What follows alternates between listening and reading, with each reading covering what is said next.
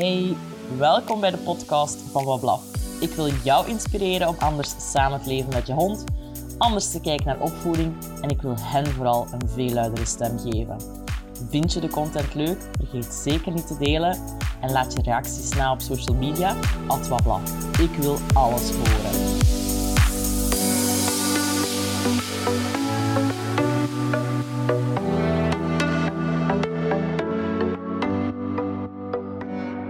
Vandaag Jelien bij mij aan tafel zitten. Allee, eigenlijk in de Zoom zitten, want Jelien is van Nederland. En uh, ik heb Jelien leren kennen een aantal jaar geleden in Antwerpen tijdens een uh, hondenprofessional lezing bij Zen for All Dogs, bij Chrisje Moens. En ja, Jelien betekent voor mij uh, een coach, al een paar jaar. een hele duidelijke spiegel ook. En uh, ze is altijd gefascineerd door wat ze voelt en, en ja, wilt weten waarom dat ze het voelt. Zowel in relatie met honden en mensen. Jelien, heel hard welkom in mijn mm. podcast. Dankjewel. We gaan het vandaag een beetje over alles hebben, maar ik denk vooral dat het gaat over moederschap en over hoe dat wij dat beleven, zowel met onze honden als onze kinderen. Ja. Um, vertel Jelien, met wat ben je bezig tegenwoordig? Ah, leuk, leuk, leuk. Sowieso al wordt het even genieten van weer de Belgische taal van jou te horen. Heerlijk.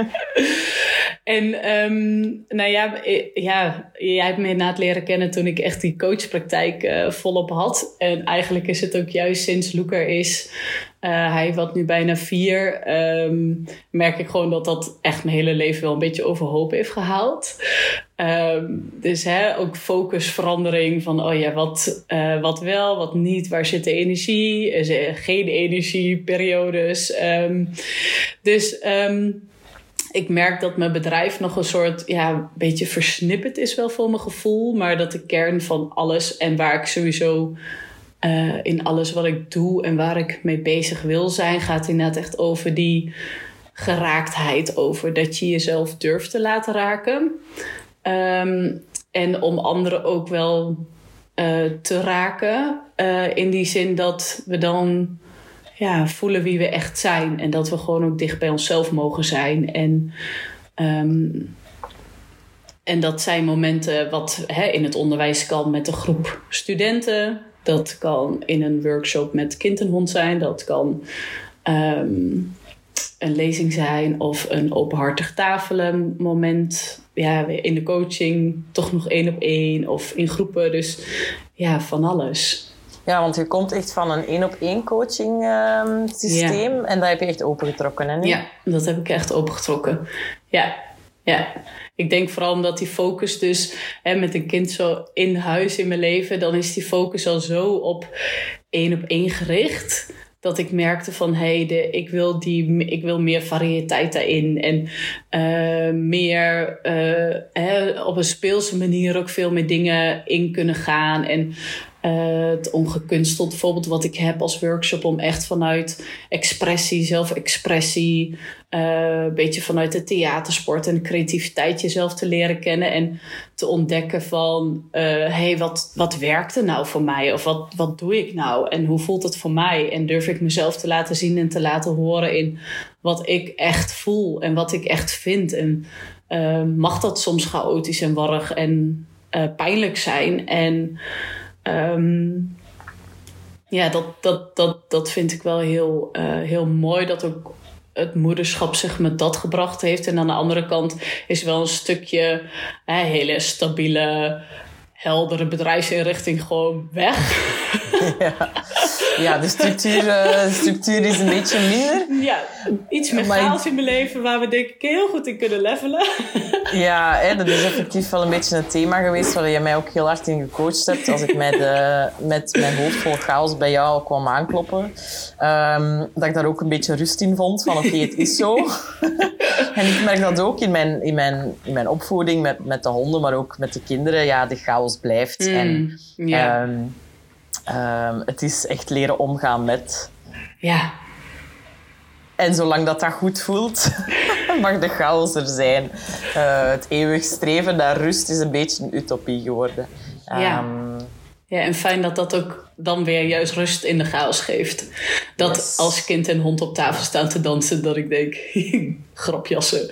In plaats van, oh nee, ik ben een slechte moeder dat ik ze niet nu van tafel heb en dat ze netjes op de stoel zitten of in de mand liggen.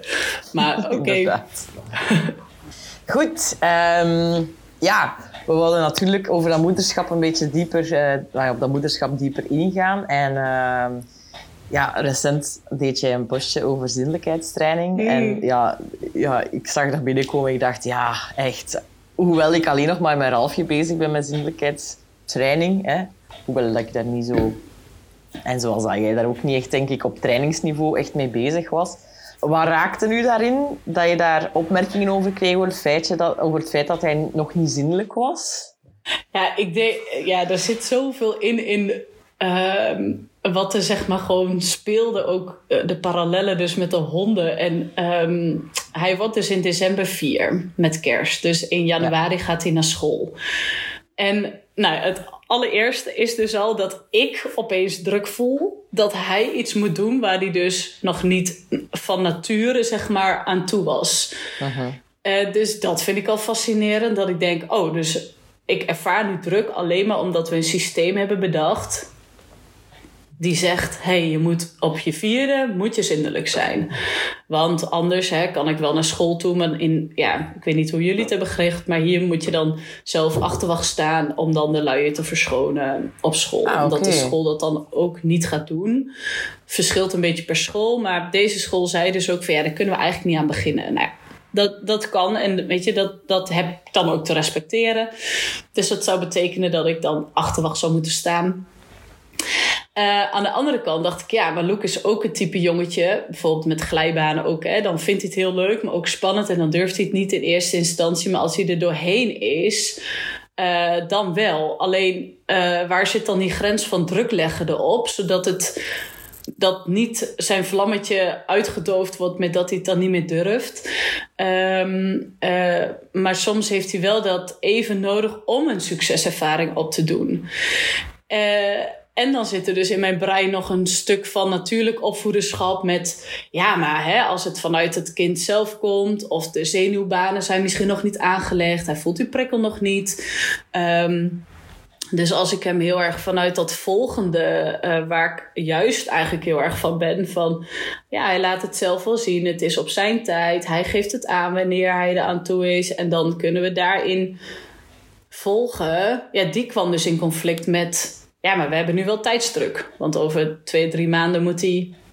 Hè, zou het toch wel heel handig zijn als hij zindelijk is. En um, nou, dan komt er inderdaad ook even zo'n opmerking vanuit uh, peuterspeelzaal van... Uh, ja, maar ja, ouders zijn ook wel heel erg volgend aan Loek. Uh, dat ik dacht, ja, ja, dat is zo inderdaad. Uh, maar zie ik zindelijkheid als training of niet? Dus dan kom je al bij een soort basisopvoedprincipe uit van, ja, hoe zie je het? En ik zou eigenlijk niet willen trainen met cadeautjes en met snoepjes en uh, eten. Omdat ik ook denk, als je dat gaat inzetten, dan wordt eten ook een stukje verstoord. Dus dan wordt zijn relatie met eten ook uh, gericht op uh, voorwaardelijk. Hè? Van oh, je, je moet iets doen voordat je hè, eten krijgt of iets lekkers betekent. Weet je? Dus die associatie wilde ik eigenlijk niet hebben. Maar ja, ik ben dan ook zo. Ja, weet je, we moeten nu iets. En als ik naar de honden kijk, zou ik ook uh, inzetten op hey, wat werkt er en uh, dat gaan belonen. Um, uh, nou, ook met voertjes, met positiviteit of met spel. Dus, ja, dus dat natuurlijke ouderschap dacht ik, nou ja, toch een stukje overboord. we gaan, we gaan hup, volgende training inzetten. We gaan positieve dingen associëren. Dus heel systeem gemaakt. Cadeautjesmand, adventskalender met van die chocoladevakjes.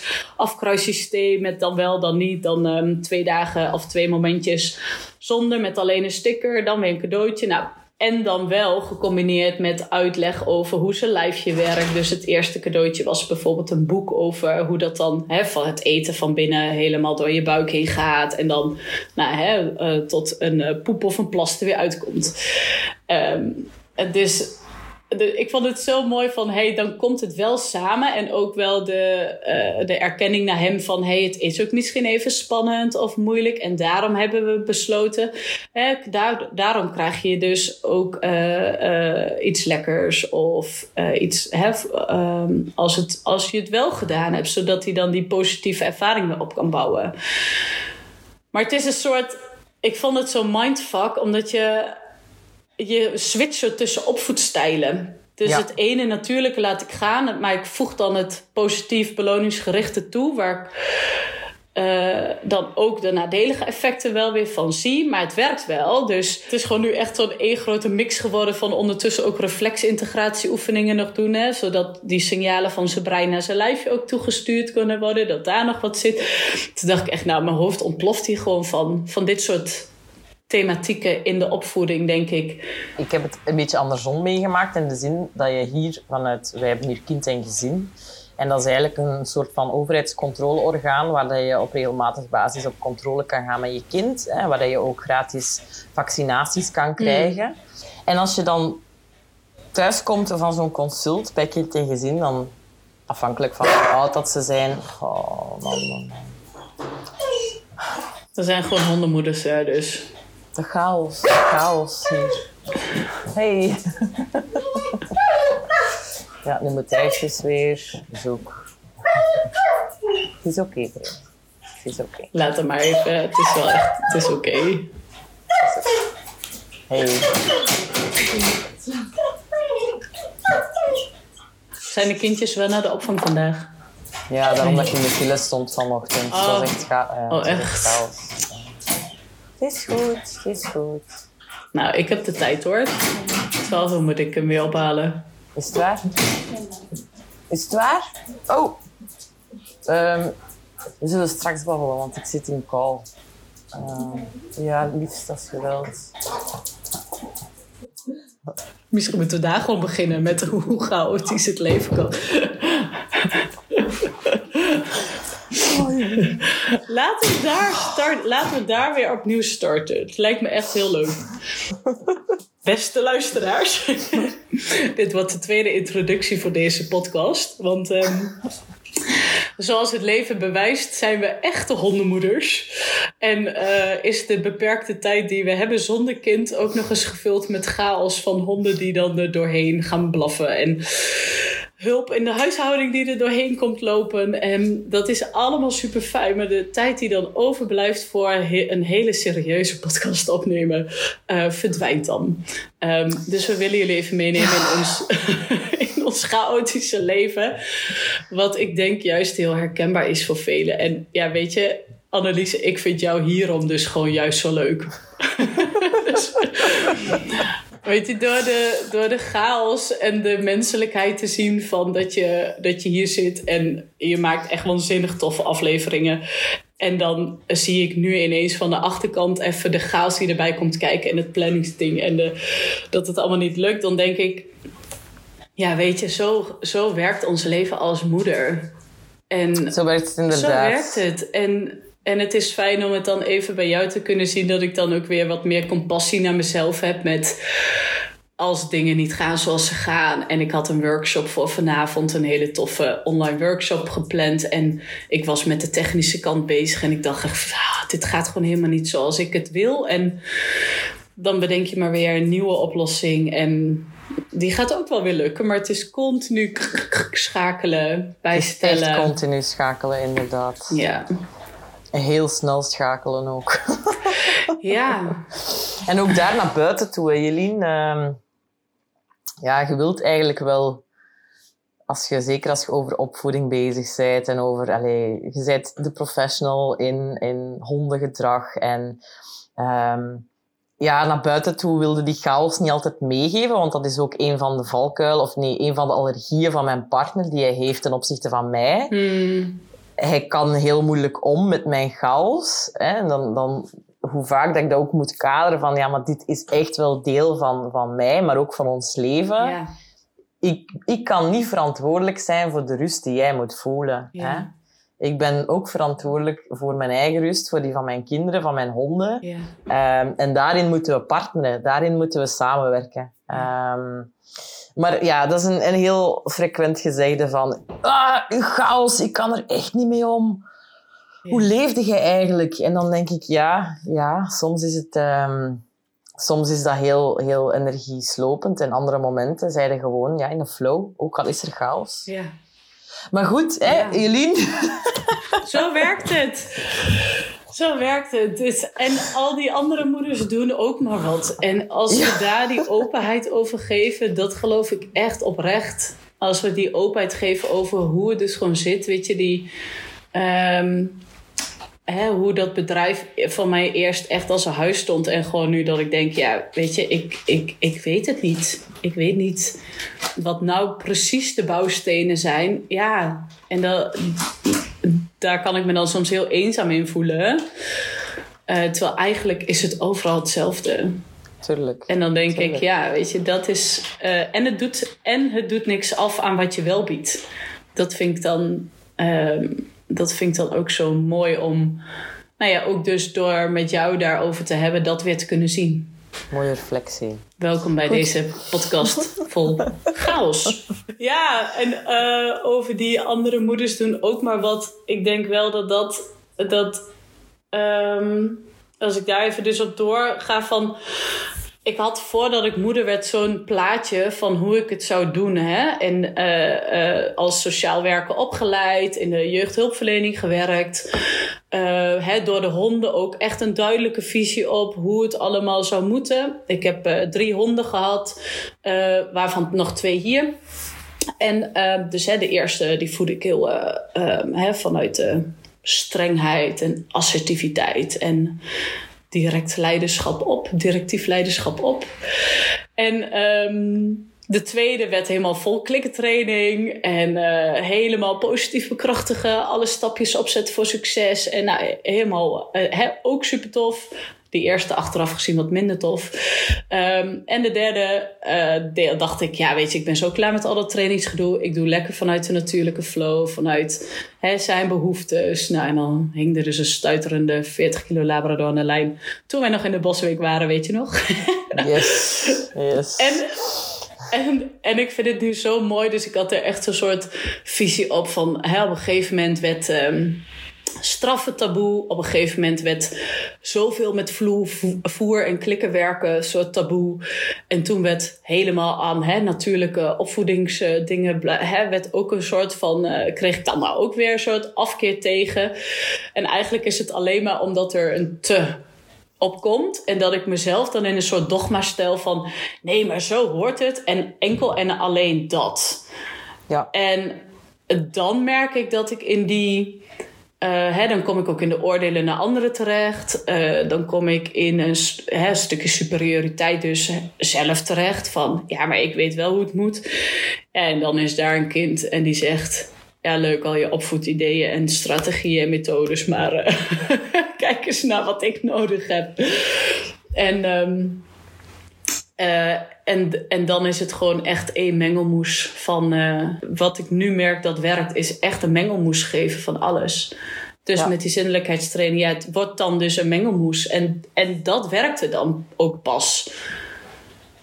En niet vanuit alleen Omdat je, dat echt, ja, omdat je dat echt hebt los kunnen laten van oké, ik sta wel helemaal achter het natuurlijk opvoeden, Ja. maar het hoeft niet alleen dat te zijn. Ik, ik doe vooral wat werkt en ik doe vooral waar dat Loek behoefte aan heeft.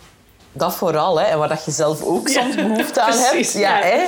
Ja. Dat is gewoon zo, hè. Want soms heb je gewoon zin om, om je kind een lolly te geven om het even rustig te houden Ja, omdat het op dat moment voor u gewoon echt nodig is. ja, Ehm, en Ja. past, dat, in- past dat vanuit bepaalde strategieën? Nee. Is het vanuit bepaalde strategieën logisch dat je voeltjes op de grond strooit om je hond af te leiden? Nee, waarschijnlijk niet. Maar als dat op dat moment wel nodig voelt, of die behoefte is daaraan, dan... Ja, we zijn zo judgmental op dat gebied eh, ten opzichte van inderdaad welke strategie dat we moeten toepassen en waar dat we eigen aan moeten Ja. Eh, of eigen aan moeten blijven. En het hele verhaal dat je vertelde over die zinnelijkheidstraining, ja, daar zit heel veel herkenbaarheid, denk ik. Hier bij ons ook in België. Het verschil is daar dan zelfs nog dat de kinderen hier op 2,5 zindelijk moeten zijn. Dus die tijdsdruk ver- verschilt ook heel hard, afhankelijk in welke maatschappij dat je opgroeit. Ja. De kindjes gaan hier op 2,5 jaar naar school. En ja, ze worden, ze worden echt getraind, vaak in de crèches, om tegen 2,5 zinnelijk te zijn. Is dat niet het geval? Dat is ook het eerste wat ze op school zeggen. Van kijk, ehm, wij verwachten van jullie ouders dat jullie kindjes zinnelijk zijn. En gaan wij die een andere pamper aan doen? Ja. Ehm, Maar wij gaan daar niet op trainen. Dus die tijdsdruk verschilt ook echt nog eens heel hard van, van waar dat je opgroeit. En dat vind ik, net zoals dat je als mama veel meer ruimte krijgt om in die eigen opvoeding te voorzien in andere landen, hè, zoals Zweden bijvoorbeeld, waar je een jaar thuis mag zijn betaald. Ehm, en waar dat we hier eigenlijk al die tijdsdruk voelen van oh fuck, binnen drie maanden moet ik terug gaan werken, moet ik fysiek er bovenop zijn, mentaal er bovenop zijn. Ja. Ehm, je slaapt meestal zelf nog niet door. De kindjes ook niet. Maar ook daar, hè, de druk komt erop van je moet je kindjes trainen om volledig door te slapen. Want dat, dat, dat hoort zo, terwijl dat ja, vanuit andere Ja. theorieën wij wel voelen dat dat niet zo is. Ja. Kindjes slapen niet door op die leeftijd. Ja. En dat conflicteert heel de tijd. Dus ik, ik, ik voel dat je zegt van oké, we moeten die, die enkele strategie, ook al voelt die juist, durven loslaten en ook durven plukken vanuit anderen. Ja. Zolang het maar goed voelt voor ons, de kinderen en de honden. Maar wat doe je dan met die extra druk die van de maatschappij uitkomt? Hoe ga jij daarmee om, Jelien? Die Ja. oordelen daar rond, die... Ja. Dit is wat van jou verwacht wordt als ouder in Nederland Ja. op dit moment. Hondenouder ook zijn, Ja, hè? ja. Dus Ja, want ik denk wel dat sowieso heeft het mij heel erg al geholpen door eerst honden te hebben en toen pas een kind te krijgen.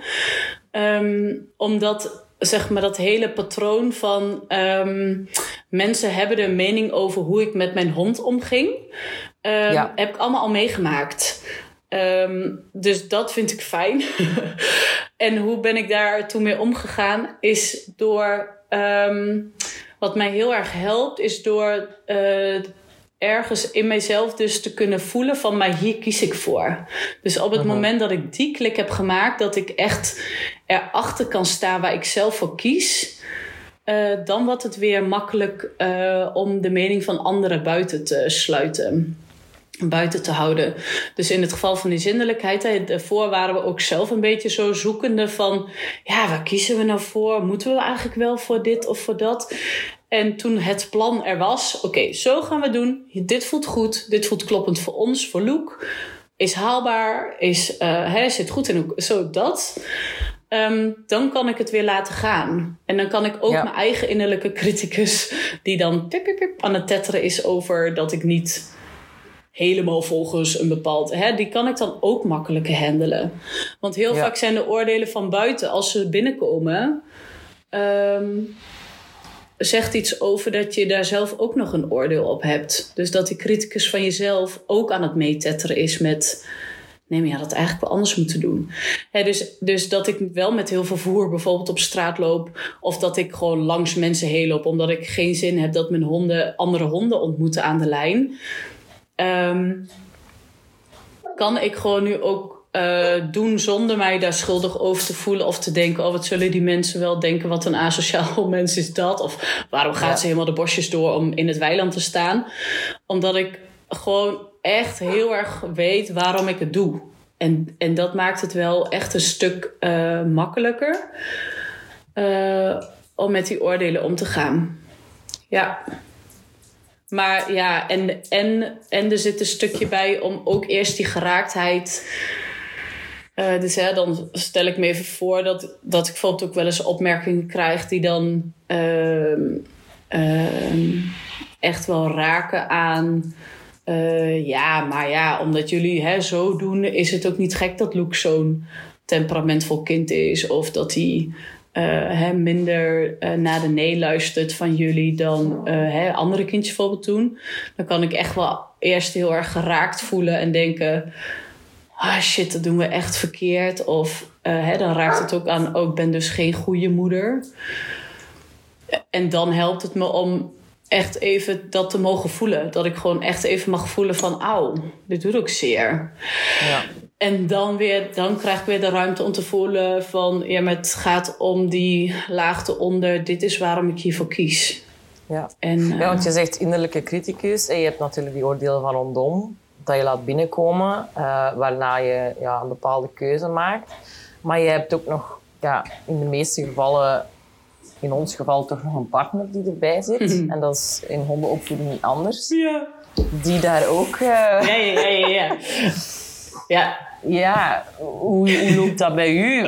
Ik voel heel, heel vaak dat, dat, uh, dat ik me ergens moet verantwoorden als, als er iets vanuit mijn moedergevoel komt of zo. Mm. Dat ik me moet verantwoorden, ook naar mijn partner toe. Van, ja, maar als mama voel ik zo'n dingen. Sorry. Ja. uh, kan niet dat hebben als je dat zegt. ik kan dat hebben, maar uh, ja, als we dingen anders zien, dan maakt het, maakt het nog eens extra moeilijk of zo. Ja. Ik denk wel dat dan als je. Mm, ik weet niet of dat zo is, maar op het moment dat je dan gaat kijken, wat is jullie beide behoefte? Dus is uh, wat is zijn behoefte achter wat hij dus voorstelt om te gaan doen? dat het dan niet zoveel verschilt. Want jij wil rust in huis en hij wil rust in huis. Alleen jouw strategie is anders. Jij denkt dat het op die manier moet en hij denkt dat het op die manier moet.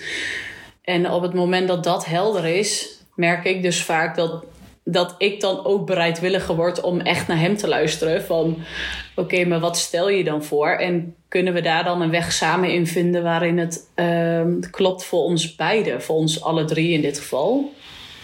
Maar ik moet daar wel om lachen, want eh, zeg maar hoe dat begon, ook daarin was het weer fijn om eerst de honden te hebben. Want ik was dus met Mosja ook echt wel gericht op haar behoeftes en emoties. Hè? En opeens zag ik die tongelen en die signalen en die stresssignalen en die frons van haar. Dat ik dacht, oh ja, dan heeft ze stress.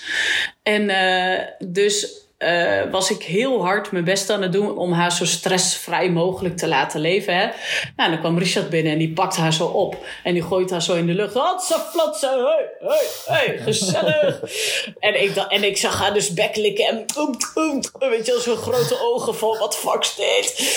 En, en dat is echt zo'n schakelmoment geweest van... Oh ja, ik kan nu hier heel erg boos om worden vanuit mijn uh, hè, mijn zorg voor haar behoeftes. En, uh, maar ik kon heel duidelijk merken, ja weet je, dit is het leven. En Richard die vindt het ook gewoon, weet je, dit is zijn behoefte of zijn manier van contact maken. En ik kan teruggeven wat ik zie bij de hond. En ze gaat er niet dood aan.